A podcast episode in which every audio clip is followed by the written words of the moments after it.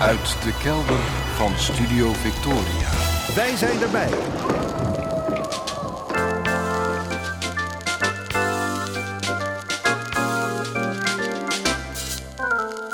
Archief Rijnmond.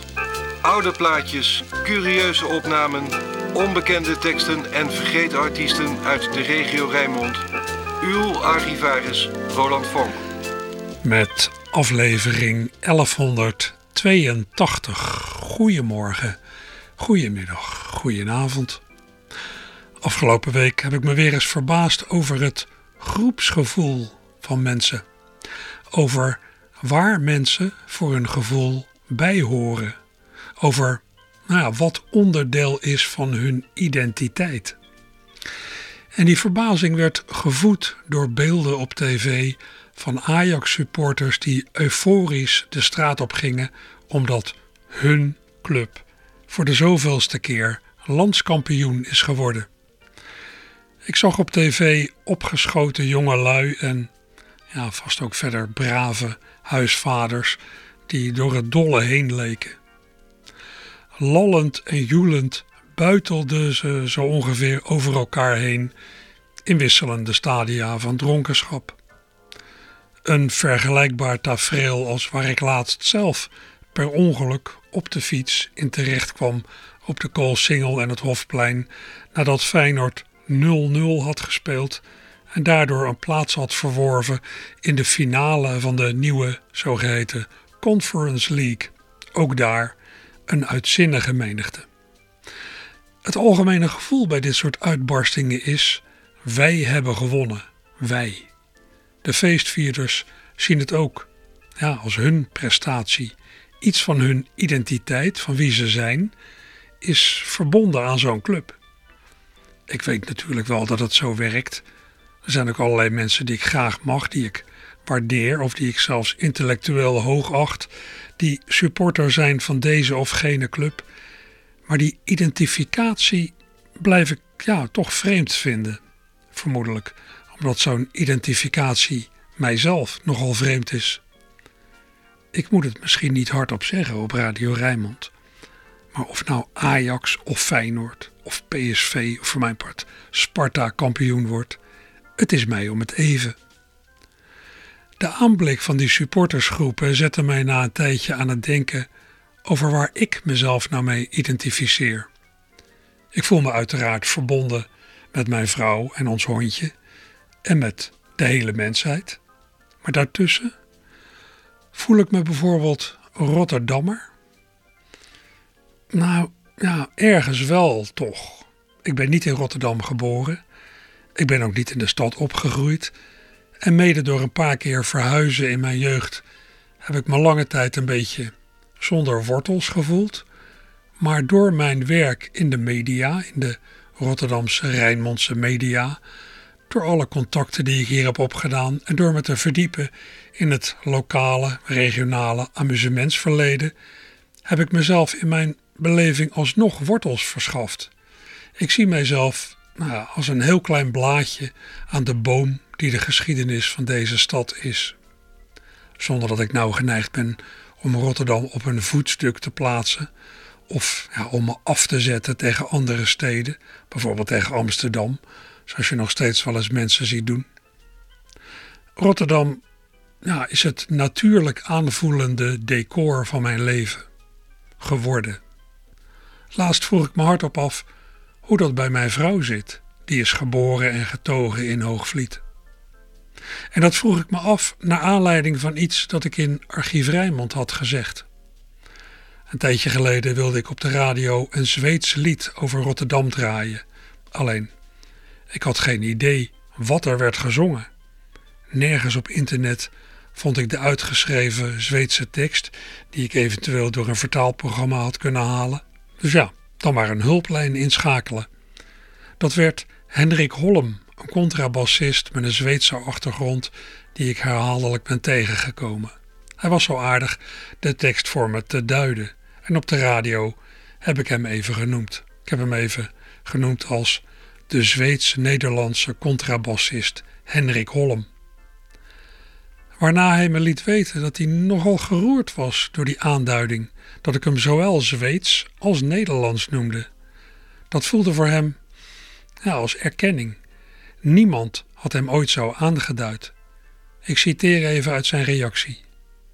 Als er een land of nationaliteit bijgenoemd werd, was het altijd de Zweedse bassist of Hendrik Holm uit Zweden.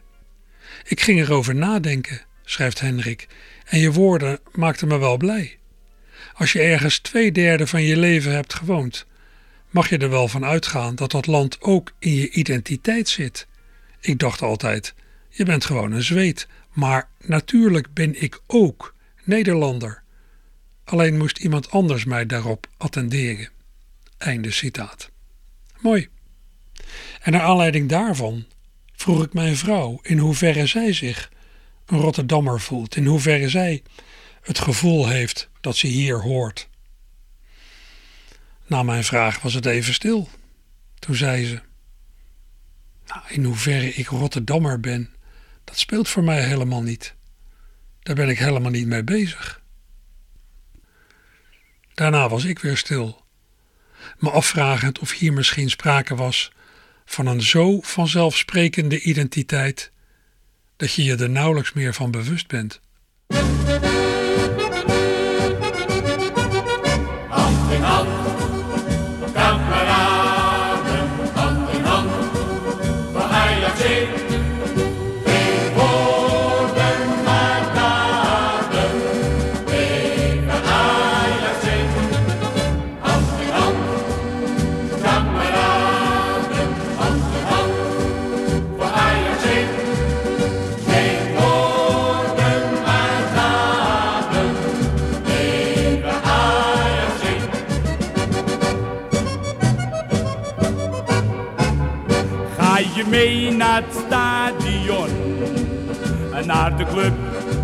Van rood en wit.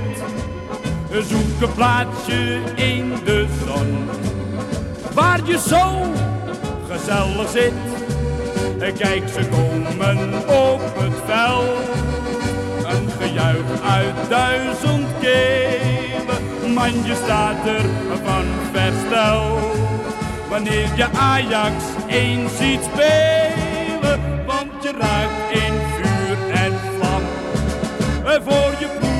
uit Amsterdam.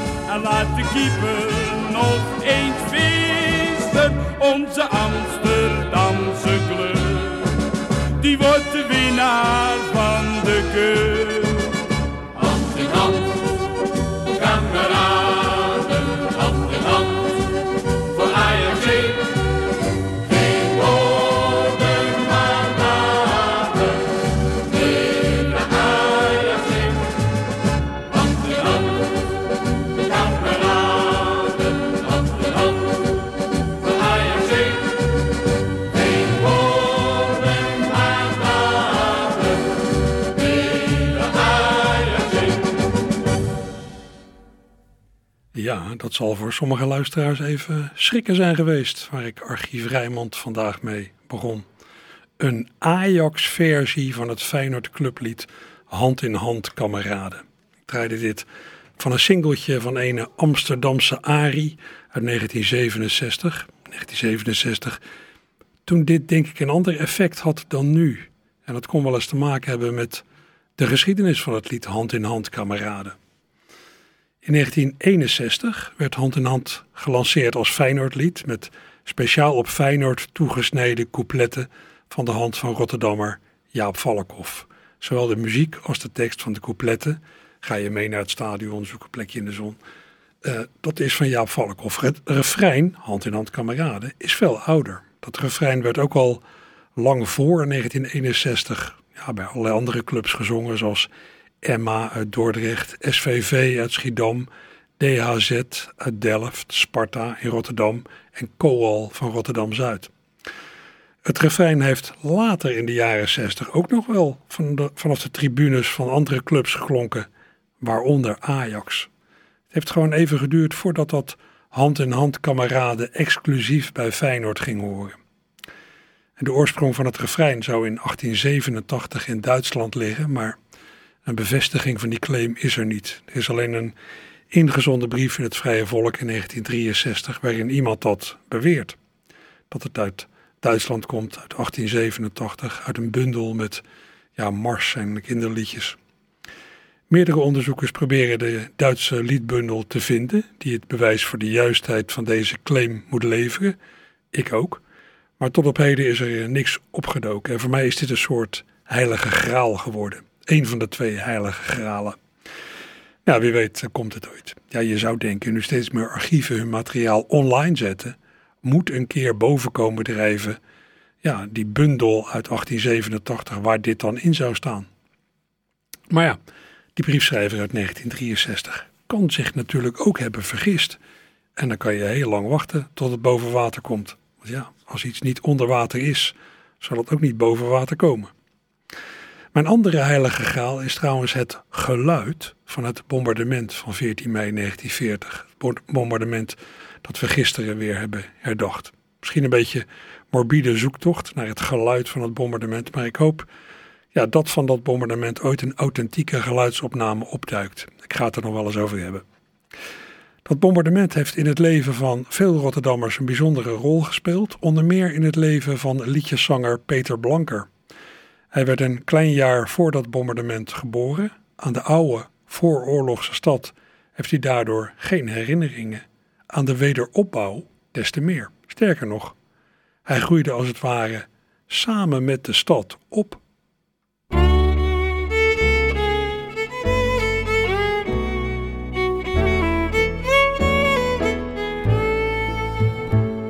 Ik wil nou wel eens zeggen wat ik heb met Rotterdam. Wat zegt mij nou toch zo'n stad?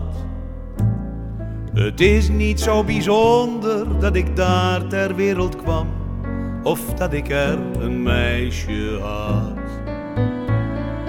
Nee, het is wat anders, het zit dieper, dat gevoel, dat je voor een andere stad niet kent. Ik ben er in een rare tijd geboren, ik bedoel, kort voor het bombardement.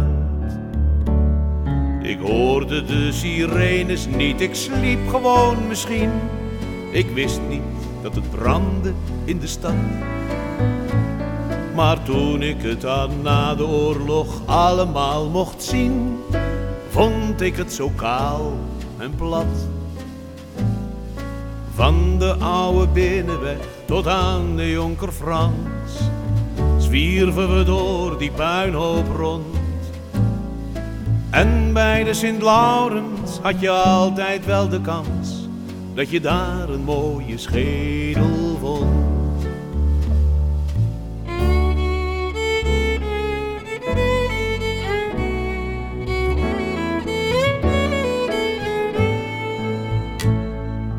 In een groene woestenij met soms nog een gebouw speelden een onbekommerd spel.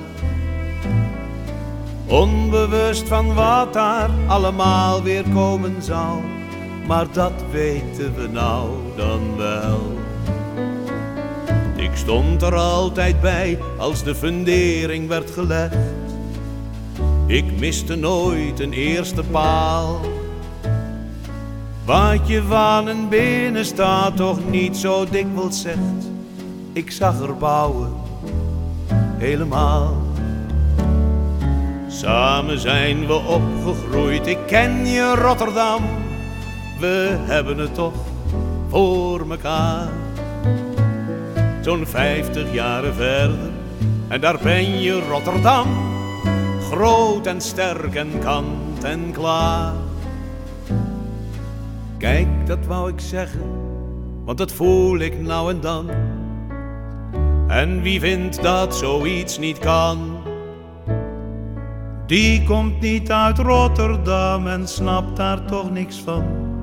Dus daar heb ik mooi geen boodschap aan.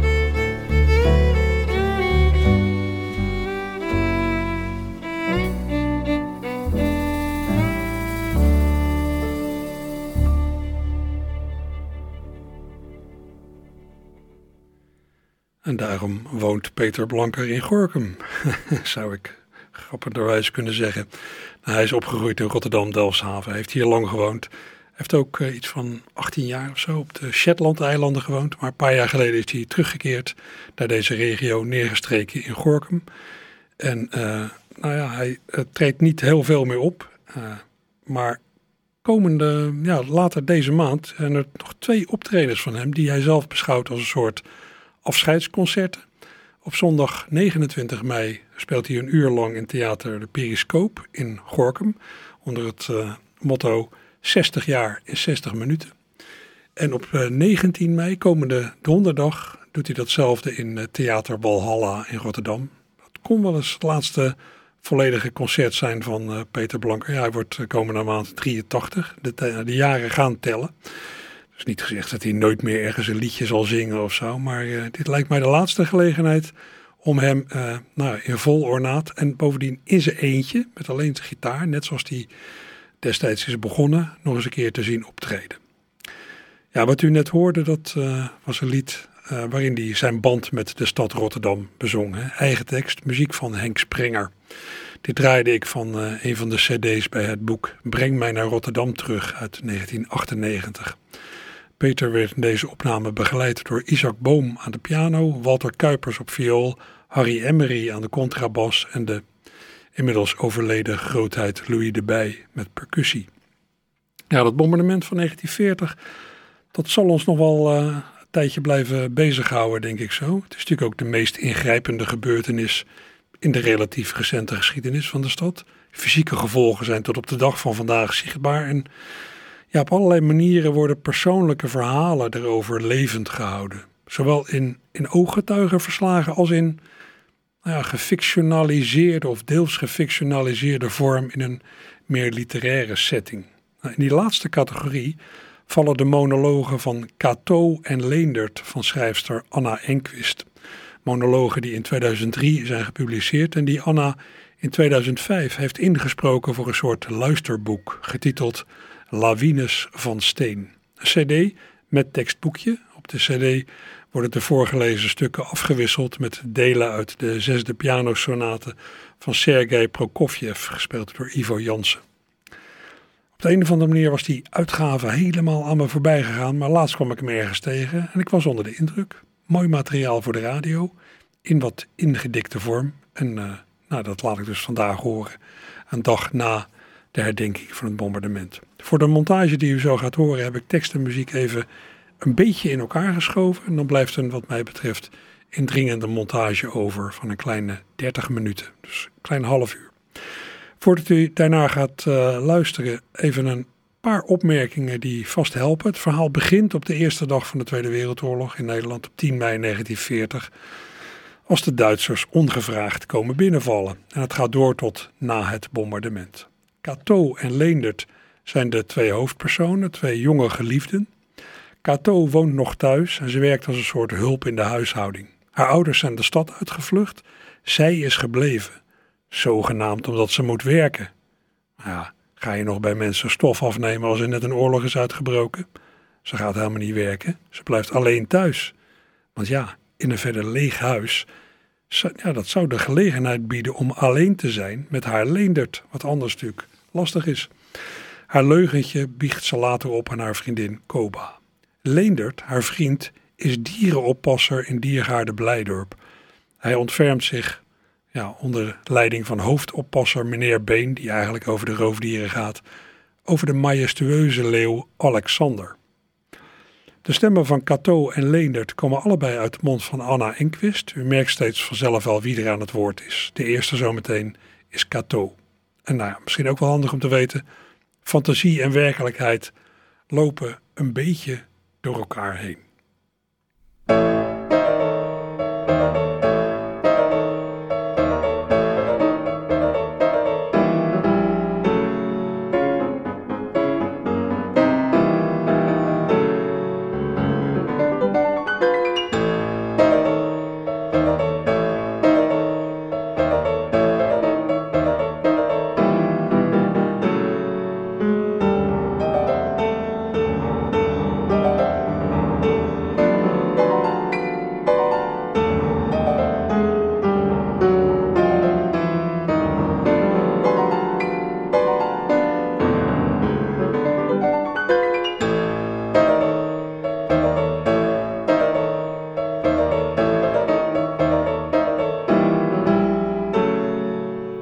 Zat in de keuken en at broodpap. Honger had ik niet. Mijn keel leek dichtgesnoerd. Toen ik het bord, het diepe bord met de bloemversiering, op tafel zette, trilde ik zo hevig dat de melk over de rand gulpte. Ik had geen honger, maar moest eten. De zon stond in het raam en deed het tafelzeil glimmen. Nooit was het hier zo stil geweest. Ik ging op vaders plaats zitten met mijn rug naar het licht. Mijn schaduw viel over het papbord. Bedriegster, dacht ik, liegbeest. Het was oorlog. Vader en moeder waren de polder ingevlucht en huisden tijdelijk bij tante Ali. Ik zat alleen aan tafel en at broodpap. De stad zinderde van angstige verwachting. Ik beefde van mijn eigen gedachten. Zeg het. Niemand die mij zag en toch bloosde ik boven mijn bord. Ik had gelogen en omdat het oorlog was, omdat het Pinksteren was, kleurden mijn wangen als vlammen. Het was erger dan het lafste verraad. Je kookt oud brood even op met wat melk. Het brood valt uiteen. Het verbindt zich met de melk tot een witte, slijmerige brei. Suiker erop, een klont boter, zonnige slierte vet, voedzaam, zoet. Wat had ik gedaan? Wat deed ik? Wat dacht ik? Mevrouw heeft mij nodig, vader. Ik kan niet mee. Het pinkstergebraad moet ik voor haar in de oven zetten, moeder. Ze rekent op mij. Ik was aan tafel gaan zitten met het Haagse kookboek en bestudeerde het braden van groot vlees in de oven. Ik dacht aan Leendert. De oorlog was uitgebroken. De Duitsers zaten in Overschie in Zuid bij de bruggen. En ik dacht aan Leendert. Natuurlijk zou ik niet naar mijn mevrouw gaan. Ze zag me aankomen. Ik was vrij. In het lege huis zou hij me bezoeken. Even zou ik als verlamd stilstaan op de overloop als de bel ging. Dan zou ik aan het touw trekken en de deur zou openvliegen. Hij stormt de trap op. Ik zie zijn gebogen hoofd, hoor zijn schoenen schampen over de trap treden. Hij omarmt me. Ik ruik zijn leeuwenlucht.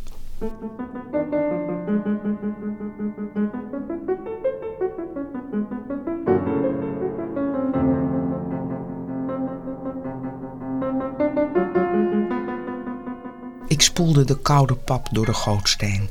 Waar blijft hij? De zon is weg, het is donker in de keuken.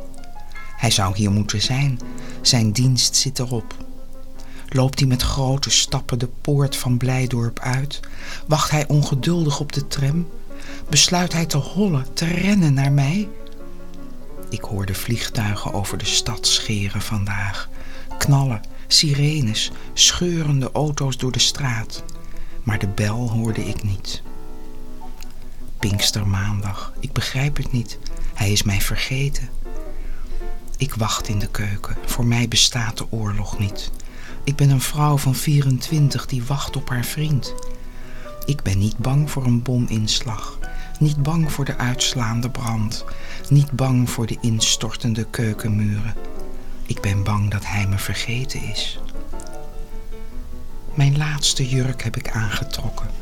De spiegel vertelt dat hij komt. Uit de donkerblauwe bolle mouwen komen mijn bovenarmen zo zacht, zo mollig dat hij niet langer weg kan blijven.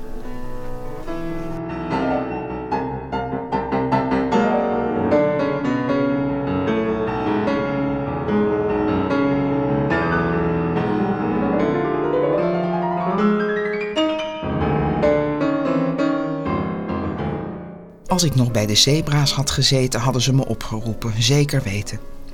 Had ik nu een helm gedragen, had ik met mijn ranseltje onder de Willemsbrug gelegen, in mijn legerbroek gepist van angst. De directeur wilde het niet hebben. Ik moest mijn oproepkaart bij hem inleveren en hij zorgde voor de rest. Ik denk dat hij vals heeft gespeeld, want alleen de roofdierenoppassers worden vrijgesteld en ik werkte nog op de zebraweide. Misschien zag hij al een leeuwentemmer in mij. Hij heeft er oog voor. De diergaarde is hem alles. Hij maakt iedere dag de ronde, dan groet hij eerst de dieren en dan ons. Vandaag zag hij bleek. Hij wilde ons spreken in de voederkeuken, zodat de dieren het niet zouden horen, dacht ik. Als het schieten aanhield, zei hij. Als er meer bommen gingen vallen, zei hij. Als de brand zou doorzetten, zei hij. Dan zouden wij de dieren moeten doden.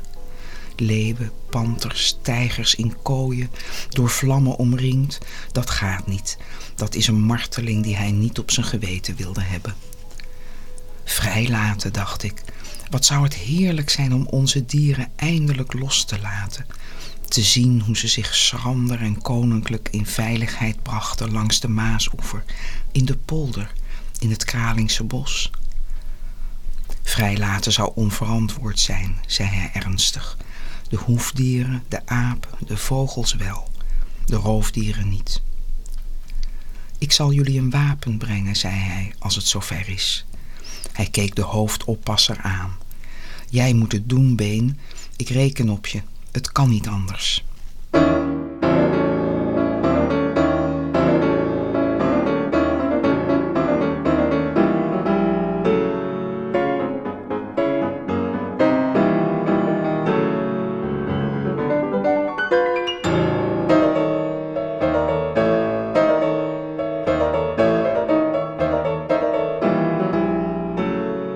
Ging het binnenhok schoonmaken. Buiten liep Alexander de wacht op zijn terras. Vijf meter heen, vijf meter terug. Ik hoorde zijn achterlijf tegen de zijmuren bonken als hij omkeerde. Hij voelde onze onrust en probeerde zich te kalmeren door heen en weer te lopen. Toen ik de vloer gedaan had, spreidde ik hem een bed van vers hooi. Ik wil liever niet vertellen hoe wij de hele middag de explosies en de bominslagen hoorden. In de voederkeuken, diep in het gebouw, viel de herrie ook wel mee. Been zat er in gedachten verzonken, onbeweeglijk op een omgekeerde emmer. Hij wachtte. Alexander brulde op het terras. Hij was bang. Hij waande zich in Afrika en zag de savanne branden. Ik opende het luik en hij wrong zich de binnenkooi in, zijn vertrouwde nachtverblijf. Als de brand aanhoudt, als de bommen blijven vallen. Toen kwam de directeur binnen. Hij droeg een pak onder zijn arm. Hij legde het pak op tafel. Ik hield me afzijdig toen hij been instrueerde. Op de bovenste nekwervel en dan schuin omhoog de hersenpan in. Elk dier in zijn eigen kooi om paniek te voorkomen. Eerst ruim te eten geven. Ik wilde het niet horen. Been zat te knikken, streelde verstrooid het pistool. De directeur liep weg, met hangend hoofd, met lege handen. Niemand van ons ging die nacht naar huis. We waakten. We wachten op de terechtstelling van de dieren. Ik sukkelde in slaap op de hooivoorraad. Vlak voor ik wegzakte zag ik Cato op de wal van de Kralingse plas zitten, haar handen in haar mof verborgen, haar bleke gezicht omrand door de donkere muts, haar ogen. Ik zette vaart. Ik hoorde mijn schaatsen krassen in het zwarte ijs.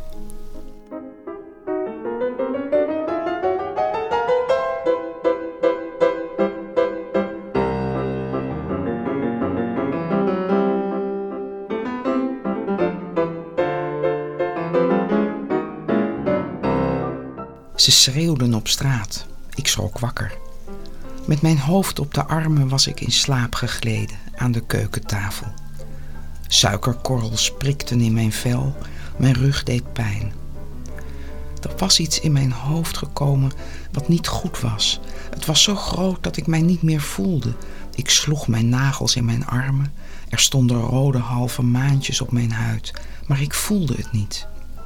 Voor ik mijn gezicht tegen het granieten aanrecht ging slaan, zwalkte ik de trap af. Weg, naar buiten. Je moet biechten, zei Koba, en alles wordt je vergeven. Ik was zo blij haar te zien. Ik klemde me vast aan haar spichtige schouders en huilde even tegen haar schort. Over Leendert had ik haar alles verteld. Alles. Ze had afkeurend haar hoofd geschud. Eerst verloven, dan trouwen en daarna pas de rest. We stonden in het voortuintje. Natte lakens klapperden om ons heen. We liepen door een gang met bewegende witte wanden. Ik keek naar de kloven in Koba's rode handen. Ik pakte de lege wasmand op en volgde haar de bijkeuken in, waar het naar soep rook. Ineens voelde ik me ziek, flauw, krachteloos.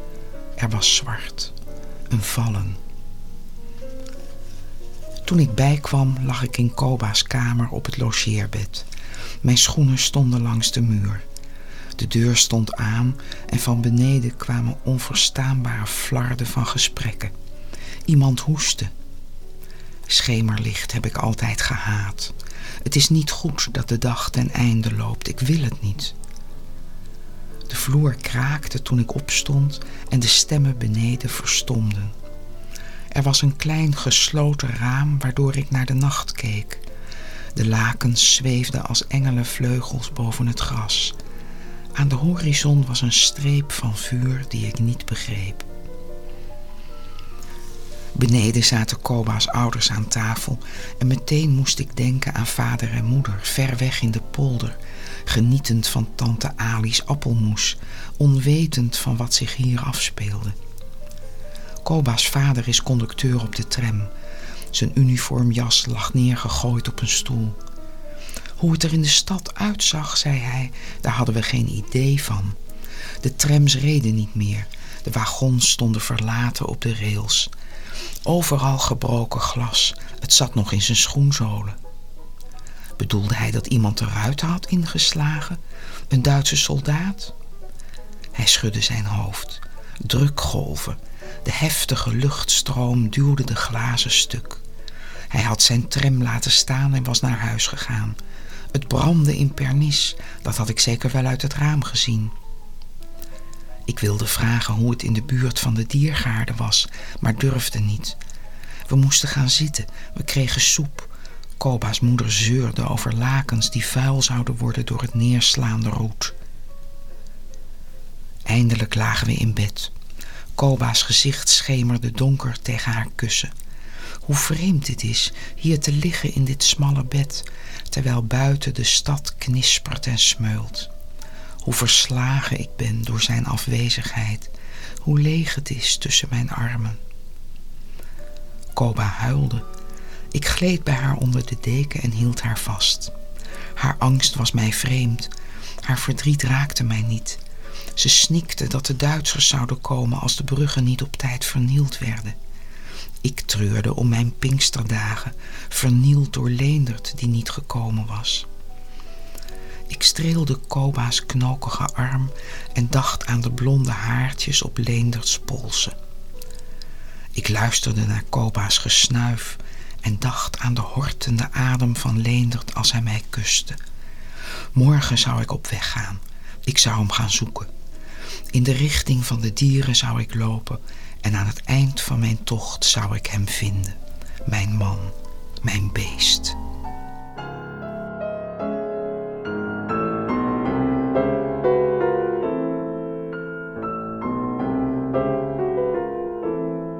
Vanmiddag kregen de dieren extra porties voer om ze loom, lui en onachtzaam te maken.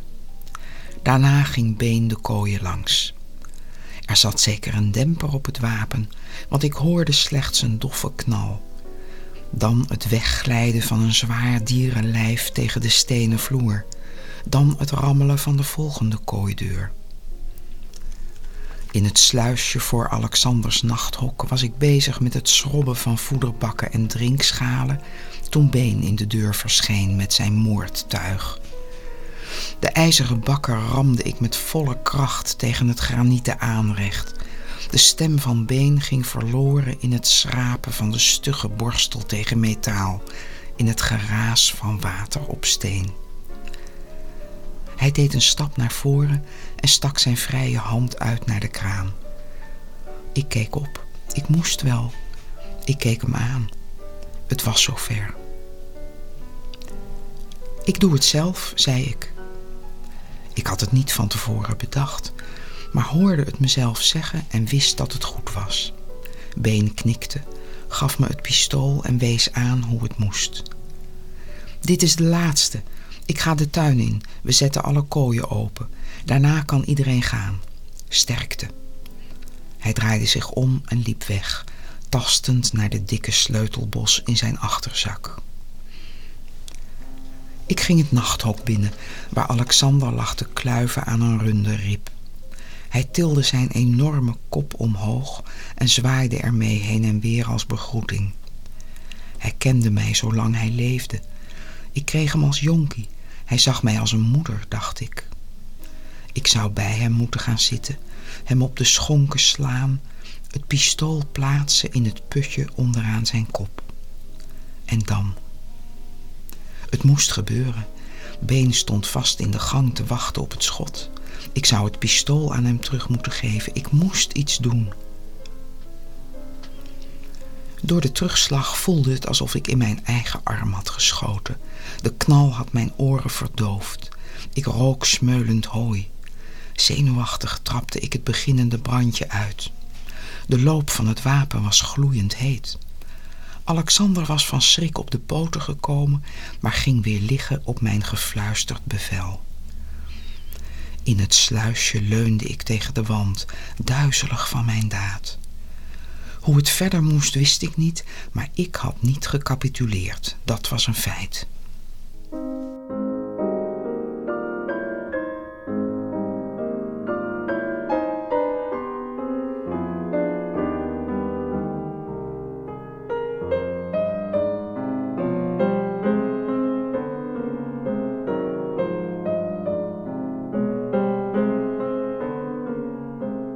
Midden op het brede wandelpad naar de apenrots stond Been aanwijzingen te geven. Ik overhandigde het pistool en knikte kort toen hij vroeg of het gebeurd was. Hij gaf me de sleutels van het hoefdierenverblijf en ik ging op weg door de schemerige tuin. Ik haalde diep adem en rook de smerige brandlucht, zag de rookbommen in de verte. Nu pas. Ineens bedacht ik dat zij op mij wachtte in het huis van haar ouders, het lege huis. Ik hoopte dat ze was weggegaan naar een vriendin of een buurvrouw. Dat ze begreep dat ik andere dingen te doen had. Dat ze geen angst had. De hoefdierenverblijven zijn gebouwd in een grote cirkel. Ik liep er langzaam omheen en opende overal de buitenhekken. Het oude zebrapaar herkende mij ik lokte de hengst met een suikerklont die hij van mijn hand afkuste. De tranen sprongen in mijn ogen bij die aanraking van zachte zebralippen. Wijd opende ik de poort, maar de dieren begrepen het niet en bleven rustig voor de tralies staan. Het werd avond. Eén voor één schokten de oppassers het terrein af, overbodig geworden nu de dieren waren bevrijd. Ik stak mijn hand op, mompelde een groet en liep door. Ook de apen waren in hun kooien blijven zitten. Alleen de vogels hadden van de vrijheid gebruik gemaakt. Ik hoorde ze schurken en rommelen in de boomkruinen. De grote toegangspoort tot de diergaarde stond open. We waren openbaar terrein geworden, als ieder ander stukje van de stad. We bestonden niet meer. Ik sliep bij Alexander, man en leeuw. S'morgens gaf ik hem vers water en een overgebleven koeienpoot. De zon scheen, ik stroopte mijn mouwen op en zat te suffen op het trapje. Voor de eerste vliegtuigen zichtbaar werden, brulde Alexander onbeheerst in zijn binnenhok. Bommenregen, vuurzee, afweergeschut. Beschermd door de betonnen muur van het roofdierenhuis bleef ik kijken hoe de vliegtuigen in konvooi op het centrum afkoersten en hun lading lieten vallen als vogels poepend in hun vlucht. Ik voelde niets dan een vage tevredenheid.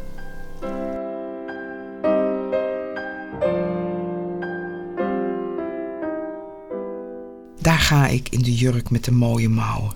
De jurk die ik pas zal uittrekken als ik hem gevonden heb. Koba steekt haar arm door de mijne.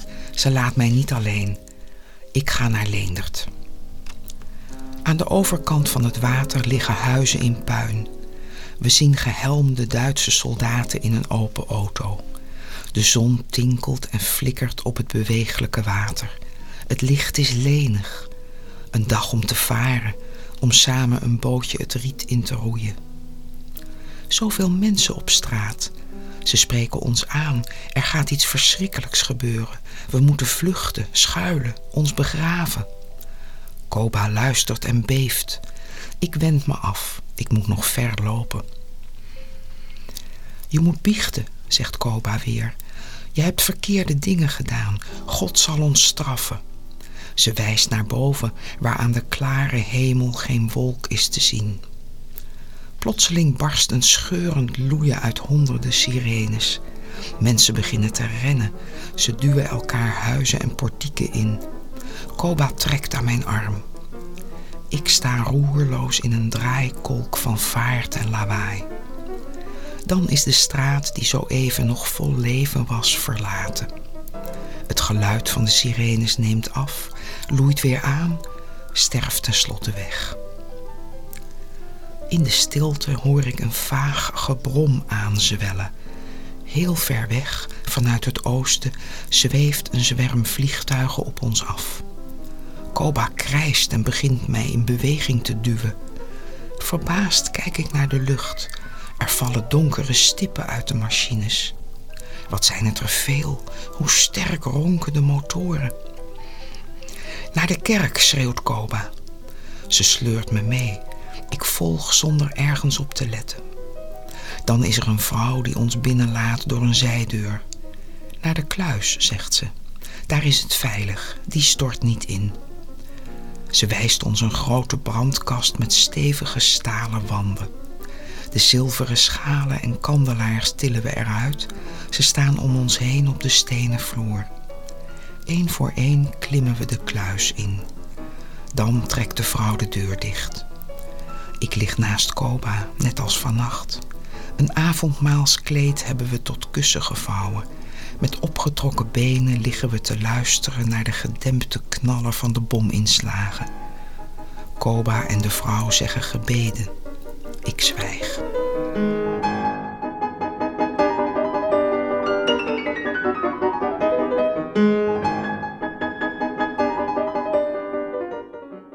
Lawines van steen bonzen op ons veilige ei. De kerk stort ineen. Eerst zijn we verdoofd van schrik. Dan richten we ons op en voelen we langs de wanden. Ze zijn er nog. Krachteloos vallen we neer. Het lijkt of de ijle, lauwe lucht zich nauwelijks naar binnen laat zuigen. Het tolt in mijn hoofd. Ik voel Koba slap naast me liggen. Ik knijp in haar arm, hard. Er gebeurt niets.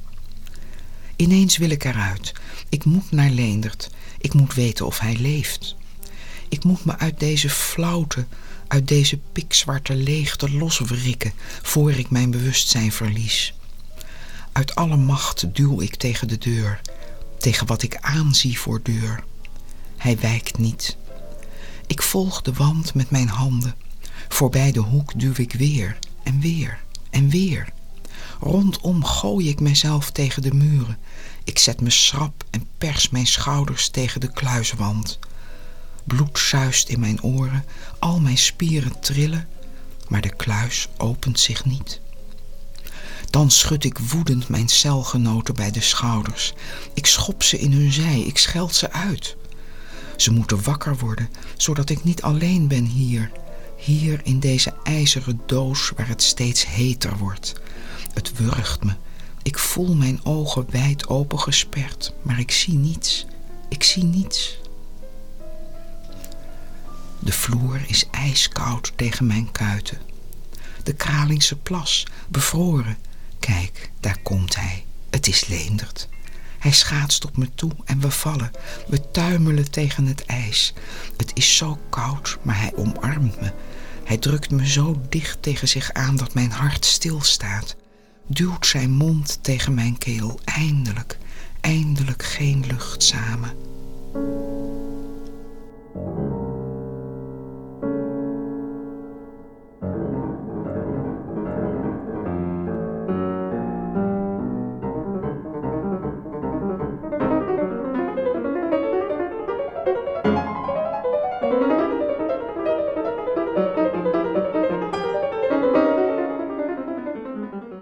Laatste dat ik als oppasser in de dierentuin doe, is het openzetten van de deuren die naar het hok van Alexander leiden.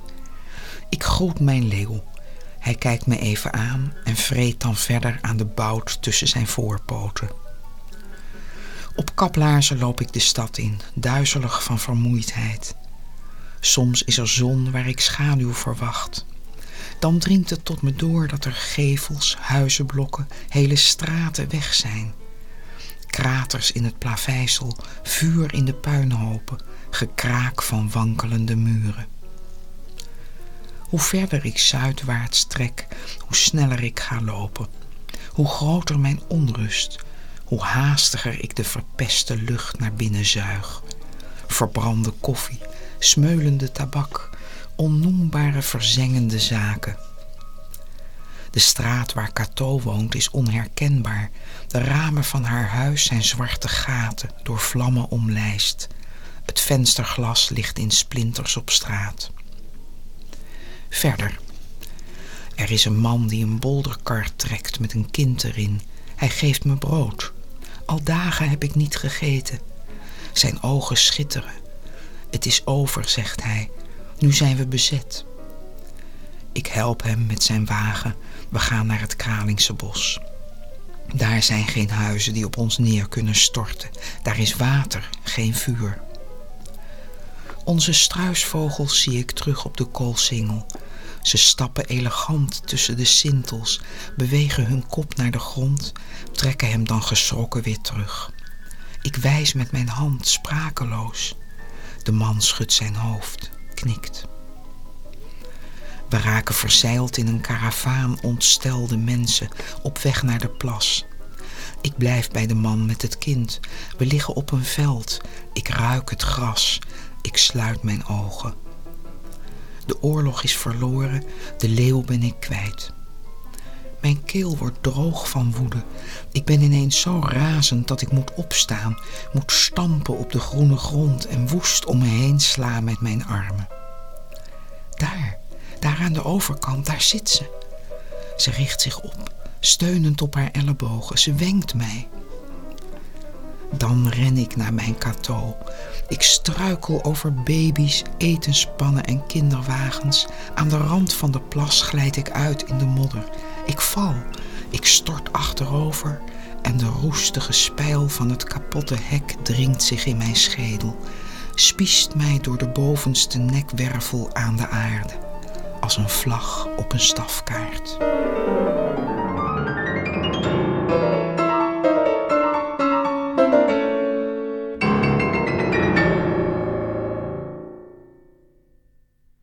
Ja, en dat was een indringend verhaal van Anna Enquist over twee mensen, Cato en Leendert, rond het bombardement op Rotterdam van 14 mei 1940 monoloog was dit die ik liet horen van de cd Lawines van Steen uit 2005.